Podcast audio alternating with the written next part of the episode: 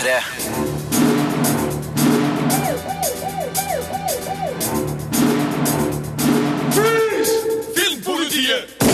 Klokka er godt over 11, og det betyr at det er på tide å sette i gang to timer om film, spill, TV-serier og alt annet gøy her eh, på P3. Jeg heter Marte Hedenstad og styrer spakene i Filmpolitiet. I dag er vikar for overkonstabel Birger Vestmo. Og på plakaten i dag så står ukas kinopremierer Non-Stop og The Grand Budapest Hotel. Rune Håkonsen kommer innom for å snakke om Titanfall, og du skal få høre spillanmeldelser av Infamous Second Son og Metal Gear Solid 5. Og siden jeg er vikar, så har jeg med noe ekstra eh, gøyalt i dag også. Du skal nemlig få muligheten til å vinne en fet premie, så heng med! Filmpolitiet! Filmpolitiet anmelder film. Why do you want to be a lobby boy? Who wouldn't?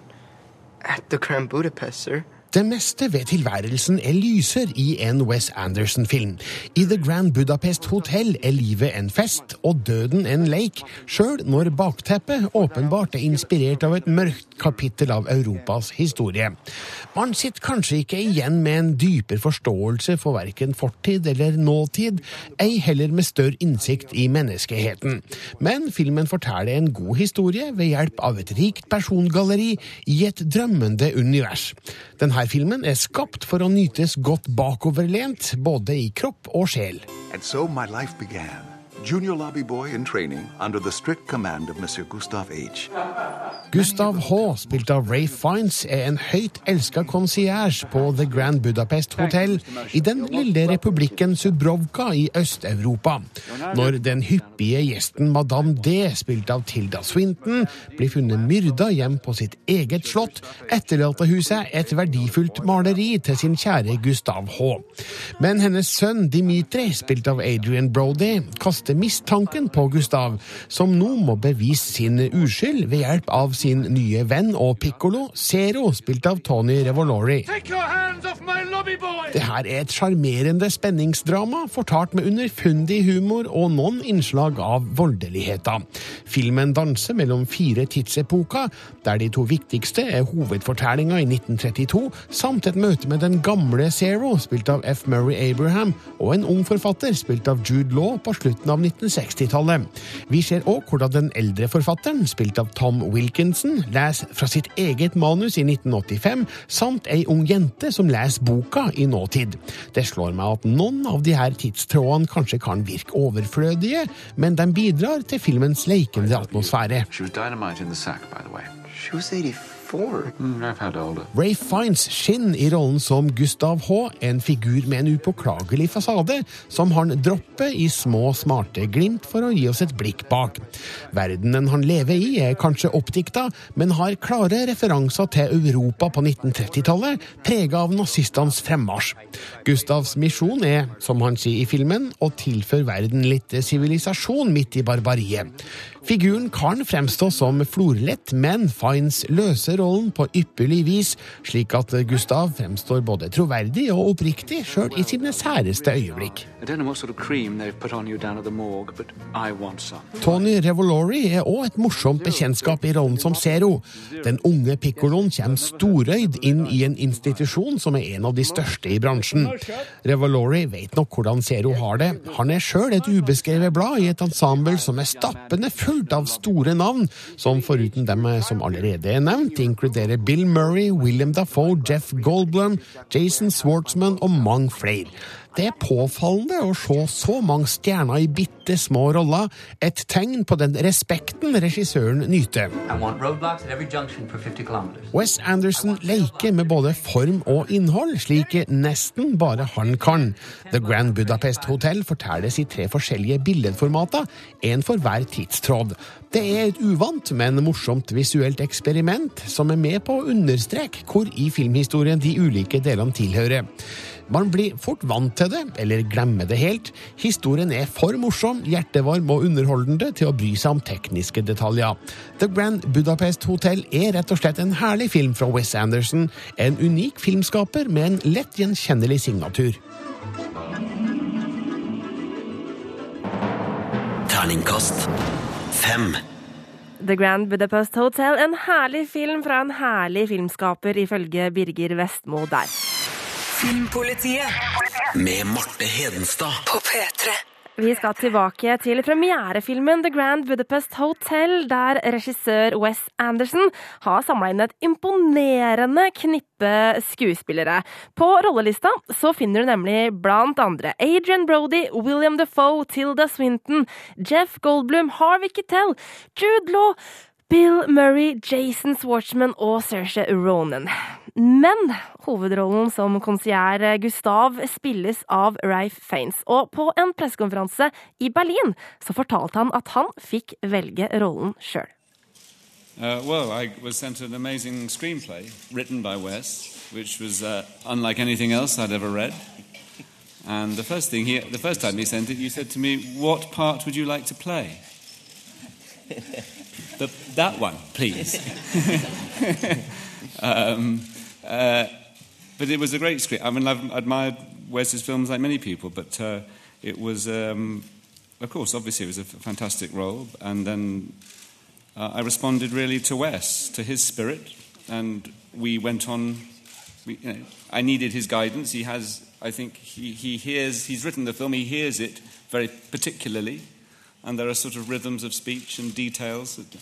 Um, and of course, we see from the films how beautifully constructed and designed and conceived they are. So to be part of that with fantastic cast altogether, uh, and uh, as an acting experience, it was fantastic because there's these very specific constraints in which Wes, I think, loves all his actors and encourages them over many, many, many takes to explore uh, his text. And then finally, you feel exhausted, but happily exhausted, because you've been given this great ride. And uh, um, if you, I, I, you know, I, I think to be in the film where the filmmaker is allowed to make the film they want to make is very, very rare. Uh, and so it was a no-brainer to a great part, a great director, and a great script. Det sa Ray Faines, som altså fikk velge sjøl hvilken rolle han skulle spille i The Grand Budapest Hotel. Eh, Og på den samme pressekonferansen i Berlin så innrømte regissør Wes Anderson at denne valgfriheten var jo et bevisst grep for å sikre seg nettopp Faines eh, i hovedrollen. One thing I have uh, sort of observed observed over the years one of the one of the best ways to um, get an actor to not want to be in your film is to offer them a part. Um, it, it often makes them start saying, "Now wait," I, I, and often people say, "I, I, like all the other roles. Uh, there are a lot of good parts. I see why you're going to." Um, so, in fact, this part we had actually written with Rafe in mind. Um, I, I actually I don't know of anyone else who, who could play it for, for, for a variety of reasons, but the main one being um, this character is you know, quite grand and theatrical and, um, and has to recite poetry and has sort of paragraphs um, uh, of, di- of text. Um, and the, the crucial thing to me is that he be a real person. Um, and Rafe is the person who I uh, thought, thought well, this is. I, I had wanted to work, work with Rafe in the abstract anyway, but this was the person I thought will make this a real man. And everything Rafe does in his process is to feel he is the real guy, that this is a real person, even even if it's talking very very quickly and doing and saying something that's that that isn't that's a, situation that doesn't feel like real life. The most important thing to me for all of these actors is that they will bring these characters to life as real people in this you know fantasy context. Her hørte du altså regissør Wes Anderson, som sikra seg Ray Fans i hovedrollen ved å la han eh, velge rolle sjøl. Hvis ikke du hørte Birger Vestmo sin anmeldelse av The Grand Budapest Hotel, så finner du den på våre nettsider p3.no filmpolitiet. Nå skal vi over til Metal Gear Solid 5, Ground Zeroes. Filmpolitiet anmelder spill. Ten days ago, we got reports that Paz was still alive. She survived. She was rescued by Belizean fishermen who found her drifting in the Caribbean. So what's the plan? Silence her before we're compromised? No. I've got something else in mind. Endeløse filmsekvenser utgjorde opp mot halvparten av opplevelsen i Metal Gear Solid 4. Selv om spillet fikk rosende anmeldelser da det kom i 2008, er det lett å se at spillskaper Hidio Kojimas ønske om å fortelle en omfattende og kompleks historie kom i veien for selve spillet. Mye er endret i Metal Gear Solid 5 Ground Zeroes, prologen til det kommende Metal Gear Solid 5 The Phantom Pain. Etablerte konvensjoner i den snart 30 år gamle spillserien har blitt kastet ut til fordel for en rekke nye måter å styre Big Boss på, også kjent under sitt mer populære kallenavn Snake. I tidligere spill har spionutstyr vært veldig viktig. I Ground Zeroes dukker ikke alle fiender opp på kartet. Å vente, å se og planlegge, dette er Big Boss sitt nye mantra. Spillet åpner med at du må infiltrere en uregistrert amerikansk militærbase som brukes til å holde terrormistenkte personer innesperret uten lov eller dom. Året er 1975. Big Boss er sendt inn på et solooppdrag for å hente ut to nøkkelpersoner med kjennskap til hendelsene i slutten av Metal Gear Solid Peace Walker. Ja, historien er som vanlig litt forvirrende. Okay, boss, change your plans. Haul Chico over to the rendezvous point. Brukergrensesnittet er betydelig endret og redusert. Radaren får du nå først opp ved å trykke på startknappen, mens Big Boss må markere fiender med en kikkert for å følge dem på kartet. Med kikkerten, ditt viktigste verktøy, følger også et par mikrofoner som gir mulighet til å avlytte vakter. Og er det på ett punkt Ground Zeroes virkelig imponerer, så er det lydarbeidet. Å høre regnet plaske, å høre vaktene snakke, å høre omgivelsene. Alt bygger opp opplevelsen. Det stilrene uttrykket i både brukergrensesnitt og lydbilde fremhever også spillets visuelle stil. På PlayStation 4 er det lett å bli imponert av både omgivelser og figuranimasjoner. Sterke kontraster fremhever natten og regnet som dominerer gjennom hele prologen. Men Ground Zeroes er ikke mer enn ett hovedoppdrag. På knappe to timer hadde jeg unnagjort redningsaksjonen og noen sideoppdrag, og det inkluderer flere filmsekvenser og dødsfall grunnet feil fra min side. Selve oppdraget er attpåtil så kjedelig som det er mulig å bli. Historien bæres nærmest utelukkende av introduksjonen og epilogvideoen. Alt dette trass nyvunnet valgfrihet til å utforske spillområdet helt på egen hånd. Oppdraget er faktisk så rett frem og spillet så kort at Metal Gear Solid 5 Ground Zeroes kan knapt kalles noe mer enn en spilldemo. Valgfriheten og den radikale retningsendringen i den grunnleggende spillmekanikken tegner et spennende bilde av hva som kommer i The Phantom Pain. Også de tekniske sidene ved spillet hinter om akkurat dette. Men den begrensede fortellingen og den begrensede opplevelsen av alt dette overnevnte i Ground Zeroes gjør Metal Gear Solid 5 som helhet en bjørnetjeneste. Terningkast tre. Ikke 100% fornøyd med Metal Gear Solid 5 der. Rune Haakonsen, altså. Han mente at spillet var knapt en spilldemo. Klikk deg inn på p3.no filmpolitiet for å se videoanmeldelsen til Rune. Denne uka så kom Escape Plan med Arnold Schwarzenegger og Sylvester Stallone i hovedrollen på Blu-ray og DVD. Derfor skal vi ta et lite tilbakelytt på hva Birger Vestmo mente om filmen da den hadde kinopremiere i november. I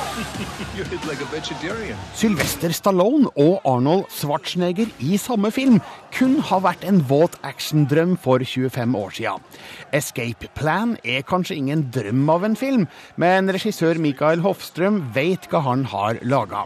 Det her er en B-film med billig preg, og et manus som er avhengig av enorme usannsynligheter for å henge sammen. Men eh, er det underholdende? Ja, av og til så er det det. Og når jeg legger godviljen til, syns jeg at både Stallone og Schwarzenegger så vidt passerer som aldrende actionhelter. Ray Breslin is able to break out of any prison designed by man. Ray Breslin, spilt av Stallone, er profesjonell fengselsutbryter. Han går undercover i fengsel for å rømme og dermed påvise svakheter. Men hans nye oppdrag på ukjent sted blir fullt alvor når fengselssjefen Hobbs, spilt av Jim Caviezel, ikke aner hvem Breslin er, og gjør det klinkende klart at han skal sitte til evig tid. Han må alliere seg med medfangen Rottmeier, spilt av Schwarzenegger, for å finne en rømningsvei.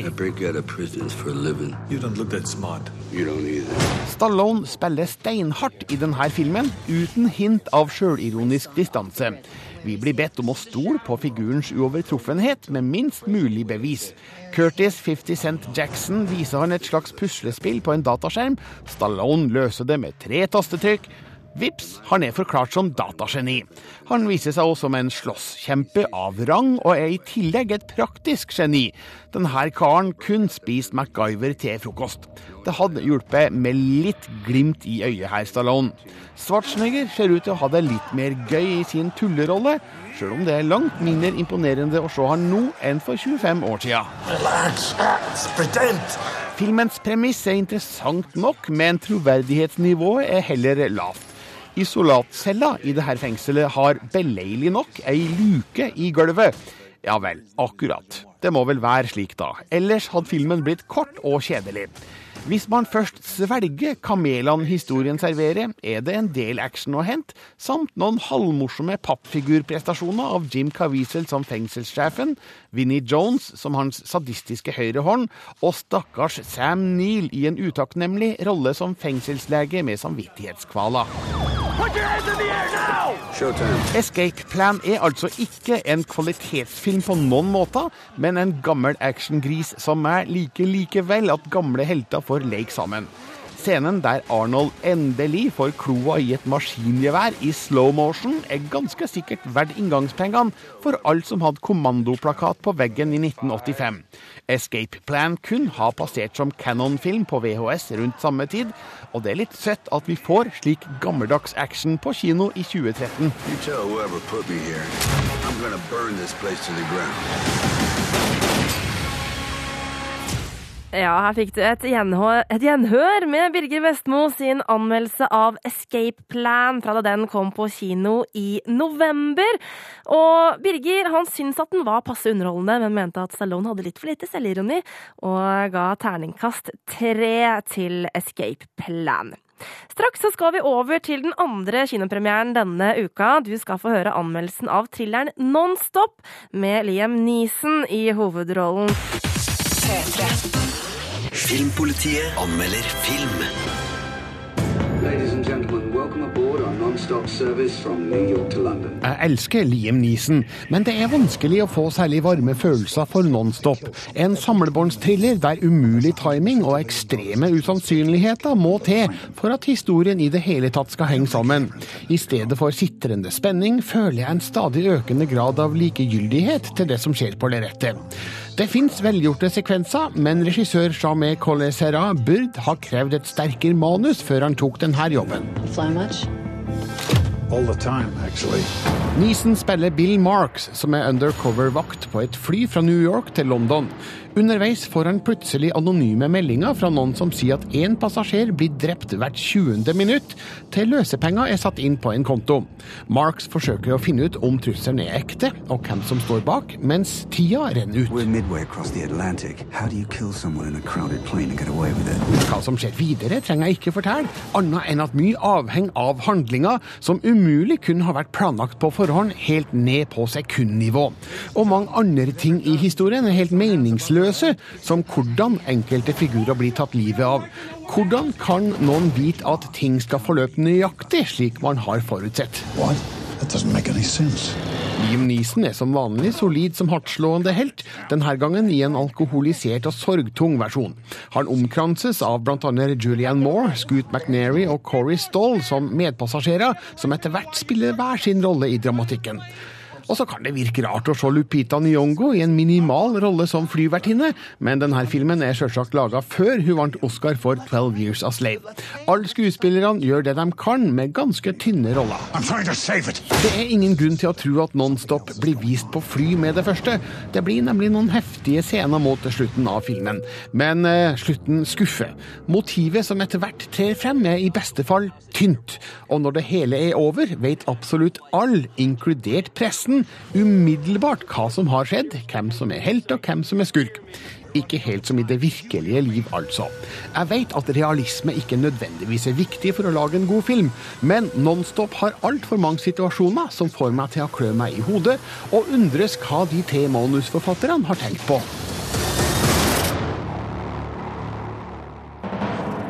Terningkast tre. Les mer om film, spill og serier på p3.no Filmpolitiet. Nå har jeg fått Rune Håkonsen eh, i studio. Hei, Rune. Kanskje jeg skal skru på mikrofonen din? Ja, ok, ok, ok, da, du skal få lov, du skal få lov. Sånn, Hei, vær Marte. så god. Det var litt bedre. Tenkte jeg bare skulle eh, kneble deg litt. Nei, Men er, er det lov å si. er det fordi at du er misunnelig? Jeg er kanskje litt misunnelig, for du har jo eh, i det siste kosa deg med en viss konsoll. Yes, Xbox One dukka plutselig opp på en lokal elektronikkbutikk der jeg holder til, og da måtte jeg rett og slett kjøpe den. Og det som er litt rart, er at jeg venta jo ikke at den skulle komme eh, i butikken nå. For Microsoft har holdt og venta lenge på informasjon om når de offisielt vil lansere konsollen i Norge. Eh, men nå plutselig denne uka her så kom det en liten e-post fra Microsoft Norge. Vi gleder oss veldig til å kunne lansere konsollen i Ja. september. Og så ble det sånn Hæ? Men det er jo et helt år etter at den ble lansert i en del andre land. Ja, USA, England, Tyskland osv. sammen med PlayStation 4-konsollen i hele verden kom jo i november i fjor. Og årsaken til at Microsoft nå har brukt så lang tid på å offisielt bestemme seg for når de skal lansere Xbox One-konsollen i Norge, det er en, et lite mysterium for meg enda, i hvert fall. Mm. Men nå er det endelig satt en dato, og da kan vi håpe at de girer opp markedsføringsapparatet, og kanskje også kommer med noen nye spennende spill for å fange vår oppmerksomhet da i september. Ja, Det blir veldig spennende å se. Eh, Men Rune, det her er jo såpass lenge etter eh, vi ønsket å få den, og ganske lenge etter PlayStation 4 også. Mm.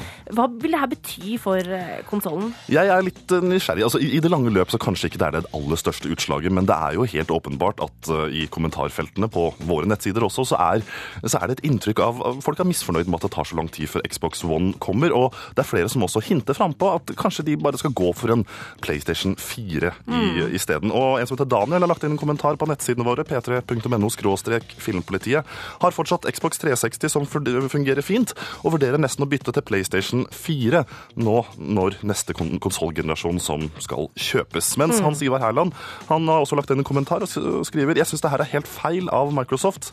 Når konsollen lanseres i Norge så lenge etter at den faktisk kom på markedet, så viser det litt hvordan Norge blir sett på i spillindustrien uviktig. Så det, er en, det er nok en, en misnøye som jeg tror kanskje Microsoft har en utfordring med nå i, i månedene framover, i hvert fall. Og så er det jo litt sånn at eh, For det er jo ikke alle som vil ha alle konsollene som finnes på markedet. Noen eh, nøyer seg med én, og da er det kanskje mange som allerede har kjøpt en Ja, jeg vil faktisk si at det er de aller fleste som mm, bestemmer seg for å gå enten med PlayStation eller Xbox One. Og det at eh, PlayStation 4 har nå da, eh, kommer til å ha ett års forsprang, offisielt i hvert fall, på det norske markedet, det betyr noe. Mm. Så mm, nøyaktig hvor mye det blir i det lange løp er vanskelig å si, men at akkurat nå Microsoft har en utfordring med å, med å blidgjøre alle de litt sånn uh, surmurende folka som har venta på Xbox One, det er i hvert fall helt klart. Konsollen kommer i september. Faktisk dato er de ennå ikke helt klare med, men september har de i hvert fall lovt Mm. at konsollen skal komme til Norge. Ja. Eh, Men du, Rune, har jo allerede fått denne konsollen hjemme i stua di. Eh, Er det verdt å vente på?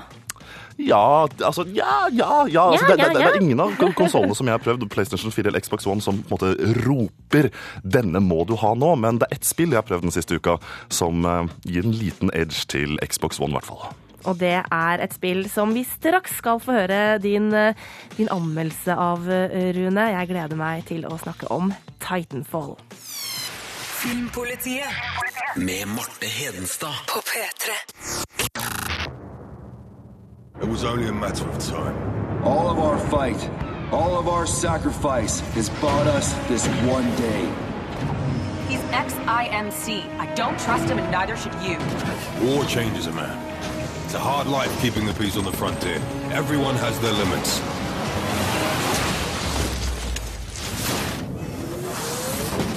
Control transferring to pilot. Der hørte vi litt lyd fra det store, storsatsingen rett og slett til Microsoft. Det er actionspillet Titanfall som nå er ute til Xbox One og PC. Eh, må Det høres si- storslagent ut. Ja, det høres det. Du, du hører det, Marte. Men det interessante her er at eh, selv om dette da er en av skal vi si, de store spillene som skal løfte Xbox One-konsollen, så er jo ikke den konsollen ennå tilgjengelig i Norge. Litt senere nå i, i eh, Det blir Ja, nå denne uka her, kanskje neste uke, så kommer også spillet på Xbox 360. Så selv om Xbox One-konsollen ennå ikke har kommet, så er det fortsatt muligheter for å få med seg dette velpolerte eh, flerspillermonsteret. Ja, eh, da, da tenker jeg litt, Rune, det er jo et neste generasjonsspill også, så bør man kanskje vente til eh, det kommer til eh, Xbox One, eller, eller er det fungerende som det er nå? Nei, altså for sånn, Hvis man skal vente til september med å starte med Titanfall, da er du seint ute. Eh, Jeg syns man skal kaste seg inn i det med en gang. Eh, Det er et utrolig eh, velfungerende flerspillerspill. Og det som er interessant, de har valgt å rett og slett kutte ut enkeltspillerdelen. Historien helt fra spillet. Så det er kun flerspillerkamper som gjelder i, i Titanfall. Og med Call of Duty, Black Ops 2, Ghosts og Battlefield 4 så, så har det vært mange som har liksom tenkt sånn ja, Er det egentlig nødvendig å ha denne fortellingen, altså denne enkeltspilleropplevelsen? Det er jo flerspillerkampen vi er interessert i. Og sannheten her er jo at nei, vi trenger ikke det. Mm. I Titanfall så har gjengen i Respawn Entertainment klart å inkludere på en måte, historieelementene i flerspillerkampene på en veldig god måte.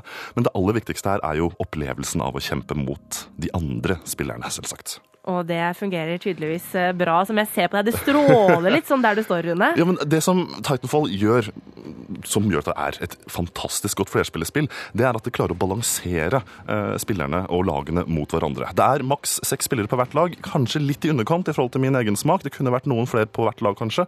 Men fordi de har holdt dette tallet så lavt, så har de klart å balansere eh, lagene og egenskapene til de ulike soldatene, og ikke minst robotene opp mot hverandre.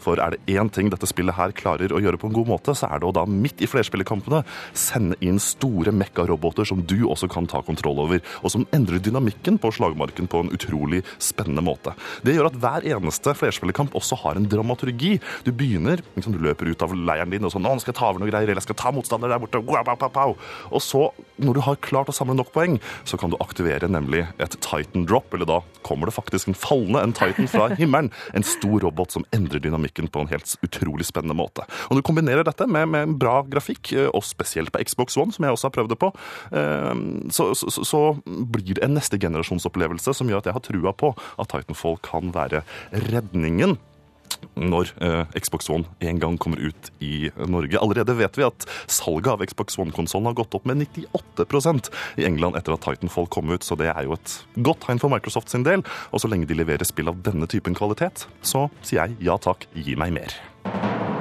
Terningkast fem. P3. Filmpolitiet anmelder film.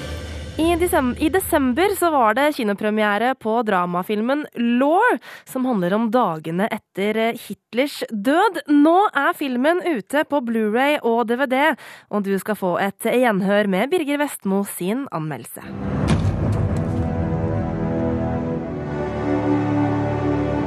Unser Führer ist tot, Lore. Ist uns Gefängnis? Det tredje rikets fall er bakteppet i den tyske filmen Låre. Et sterkt drama om en søskenflokk som må ta seg gjennom et land i full kollaps etter Adolf Hitlers død. Jeg blir hensatt til 1945 på ytterst troverdig vis i en film som imponerer på flere måter. Følelsen av tid og rom er svært sterk, koblinga til naturen er både vakker og farlig på samme tid, og de unge skuespillerne er svært dyktige. Låre er absolutt anbefalt, men ikke til kos og hygge. Thomas, jeg er din Bruder. Det er altså mai 1945, og de allierte har vunnet krigen. Taperne forsøker å gjenvinne fotfestet i en kaotisk situasjon der all samfunnsnorma er borte. Tenåringsjenta Låre, spilt av Saskia Rosendal, og hennes søsken blir forlatt av sine foreldre og tvinges til å ta seg gjennom landet for å komme seg til bestemoras gård ved Hamburg. De får følge av den unge mannen Thomas, spilt av Kai Malina, som Låre aner uråd med, men trenger sårt hans hjelp på reisa. Hvorfor magst du ihn ikke? Det Er en ein Parasit. Was haben wir getan?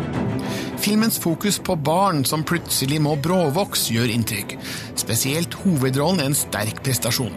Låres personlige reise fra å være troskyldig jente til å bli kvinne med et enormt ansvar er glitrende godt spilt av Saskia Rosendal. Jeg liker òg godt mysteriet rundt Thomas, godt spilt av Kai Malina. Er han til å stole på, eller hjelper han Låre og søskenflokken kun for sin egen skyld? Dette momentet er med på å øke spenningsnivået i filmen. Hvem nichts getan. What? Wir kennen ihn nicht. Papyra, Wir sind unterwegs. what are you doing here? Was du machen here? Er gehört nicht zu Papyra, uns. only with permission. Er war in der Schule. Er verfolgt okay, slow uns. down. Er, Slow, langsam. Ich habe Papiere. Det er flere svært vakre bilder av tysk landsbygd i filmen, som foregår i naturen nesten hele tida. Det gjør det sjølsagt enklere for regissør Kate Shortland å skape illusjonen av 1945, men det er òg gjort et svært godt arbeid på kostyme- og maskefronten. Tidskoloritten er førsteklasses og gir et troverdig bilde av hvordan dagene etter Hitlers fall kan ha fortona seg for vanlige tyske borgere. Beskrivelsen av et samfunn i oppløsning er god.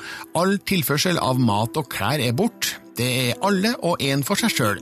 Det er òg forstemmende å se hvordan noen figurer fremdeles tviholder på drømmen om Hitlers overlegenhet, mens andre begynner å ane rekkevidden av hans handlinger. Thomas sagt, vi dürfen nicht nach Hamburg. Er sagt, es ist über die Grenze. Filmens handling går stadig fremover, med nye og vanskelige utviklinger i hver sekvens. Jeg er med på reisa, som er like vond som den er interessant. Historien beskriver menneskers gode og onde handlinger under ekstreme omstendigheter, og skildrer det tyske folks bitre tapsposisjon i kjølvannet av andre verdenskrig. Låre er et velspilt, velfilma og velregissert drama som fortjener å bli sett på kino. Hast du ihnen gesagt, was wir getan haben? Terningkast fem. Les mer om film, spill og serier på p3.no Filmpolitiet. Filmpolitiet anmelder spill. Tidligere i sendinga så hørte du at Rune Haakonsen mente at Titanfall er en strålende spilleopplevelse til Xbox One, og Rune mener også at eh, nestegenerasjonsfølelsen er i live også på PlayStation 4, med blockbuster-spillet Infamous Second Son. Hey! Hey! You guys need any help? It's one of those freaks! Whoa! No, no, no, no, no, no! Hver gang en splitter ny spillkonsoll kommer på markedet, skaper det en forventning om å oppleve noe som ikke tidligere har vært mulig. Dette tekniske aspektet ved spillopplevelsen er i aller høyeste grad en viktig faktor i opplevelsen av Infamous Second Son, det første spillet utviklet eksklusivt til Sonys PlayStation 4-konsoll. I løpet av noen korte minutter med Delsin Roe, den 24 år gamle hovedpersonen i Infamous Second Son, lander endelig følelsen jeg har savnet. Ansiktene til Roe og hans storfamilie i et lite indianersamfunn utenfor storbyen Seattle, de ser naturlige ut. Endelig et spill som gir en smakebit på de tekniske mulighetene en ny konsollgenerasjon byr på. En smakebit for ikke alt holder like høy kvalitet som det visuelle i Infamous Second Son. Oh, this fast healing stuff is gonna come in real handy. Velger du å redde sivilbefolkningen? Eller ønsker du å spre død og ødeleggelse? De moralske valgene du gjør i Infamous Second Son, har i likhet med de tidligere spillene i serien en direkte påvirkning på måten hovedpersonen Delsin Roe utvikler seg. Den gode, eller onde versjonen av historien følger uansett hva du velger et relativt tett parallelt løp, men med betydelige forskjeller. It's my call. Not yours, not ours, mine.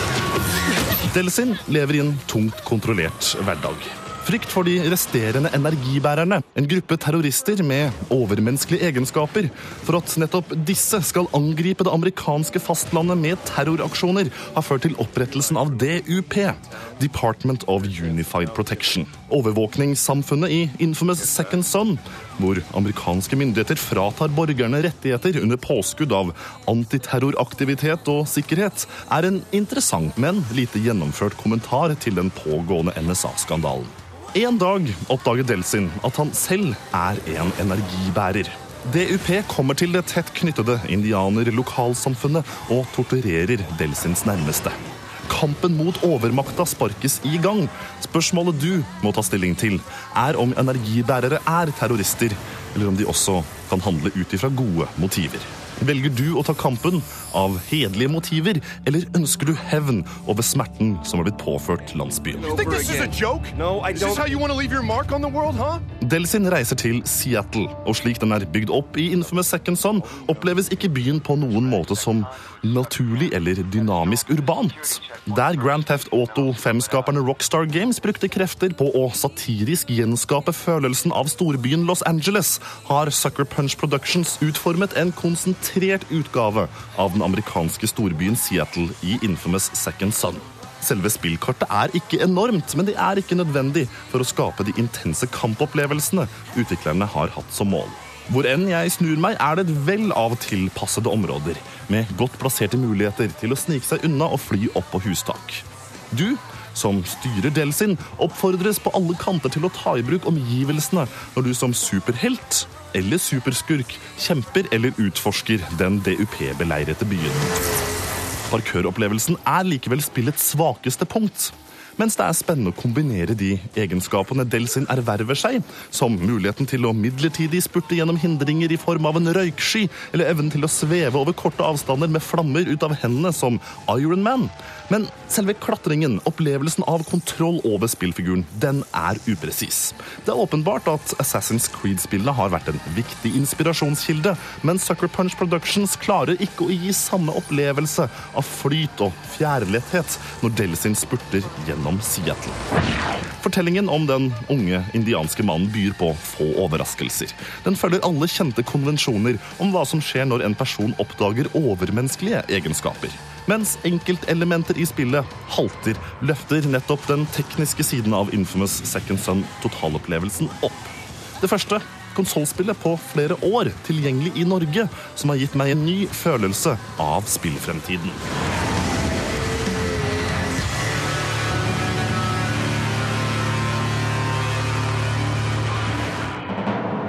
Terningkast fire. Eksklusivt til PlayStation 4, Infamous Second Son og Rune sin anmeldelse finner du på p3.no skråstrek filmpolitiet, sammen med masse annet snacks om film, spill og TV-serier. Filmpolitiet anmelder film. 我是金小看着我父亲跟人交手长大的。 我爹常说我这种人唱戏能成名角，出家能做高僧，因为我会迷。Kinesiske Wong Kar-wai regisserer ikke film, han dikter. The Grandmaster er en drømmende og kontemplativ kung fu-film, der stemninga og inntrykk er vel så viktige som hardtslående armer og bein. Wong Kar-wai er heller ikke så interessert i å fortelle en vanlig historie fra A til C via B. Ulempen ved det her er bl.a. at filmens figurer blir i overkant vage. Deres skjebner griper ikke etter hvert som historien blir mer og mer flyktig og springende. Men The Grandmaster etterlater meg med visuelle minner om kroppslig og mental beherskelse som imponerer. Historien starter i Foshan i Sør-Kina i 1936 og slutter i Hongkong på 1950-tallet.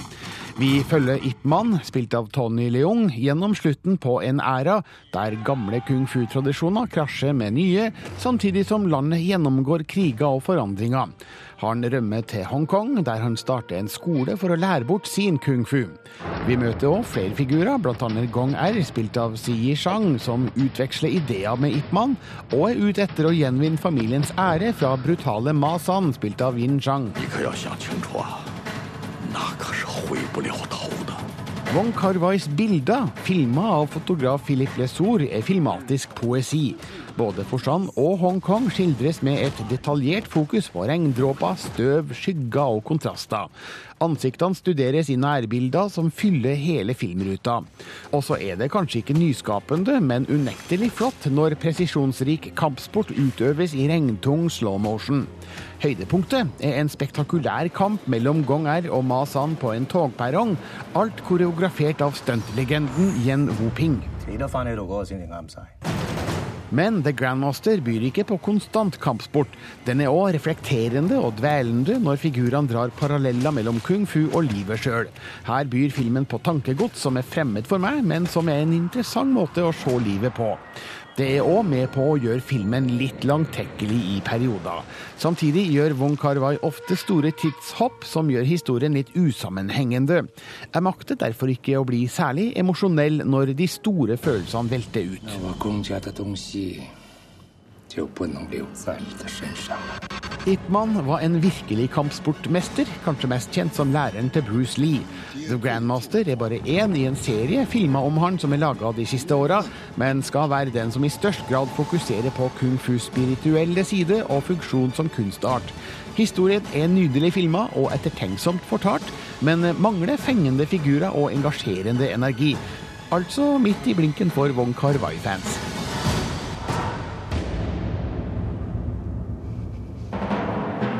Terningkast fire. Der fikk du et gjenhør med Birger Vestmo sin anmeldelse av The Grandmaster fra da den kom på kino i november. P3. Med det så er Filmpolitiet ferdig for i dag. Jeg heter Marte Hedenstad og må si tusen takk for at du har slått eh, følge med meg helt siden klokka 11 i dag. Det har vært eh, trivelig å være på lufta sammen med deg. Neste uke så er overkonstabel Birger Vestmo tilbake som vanlig. Hør flere podkaster på nrk.no podkast. P3.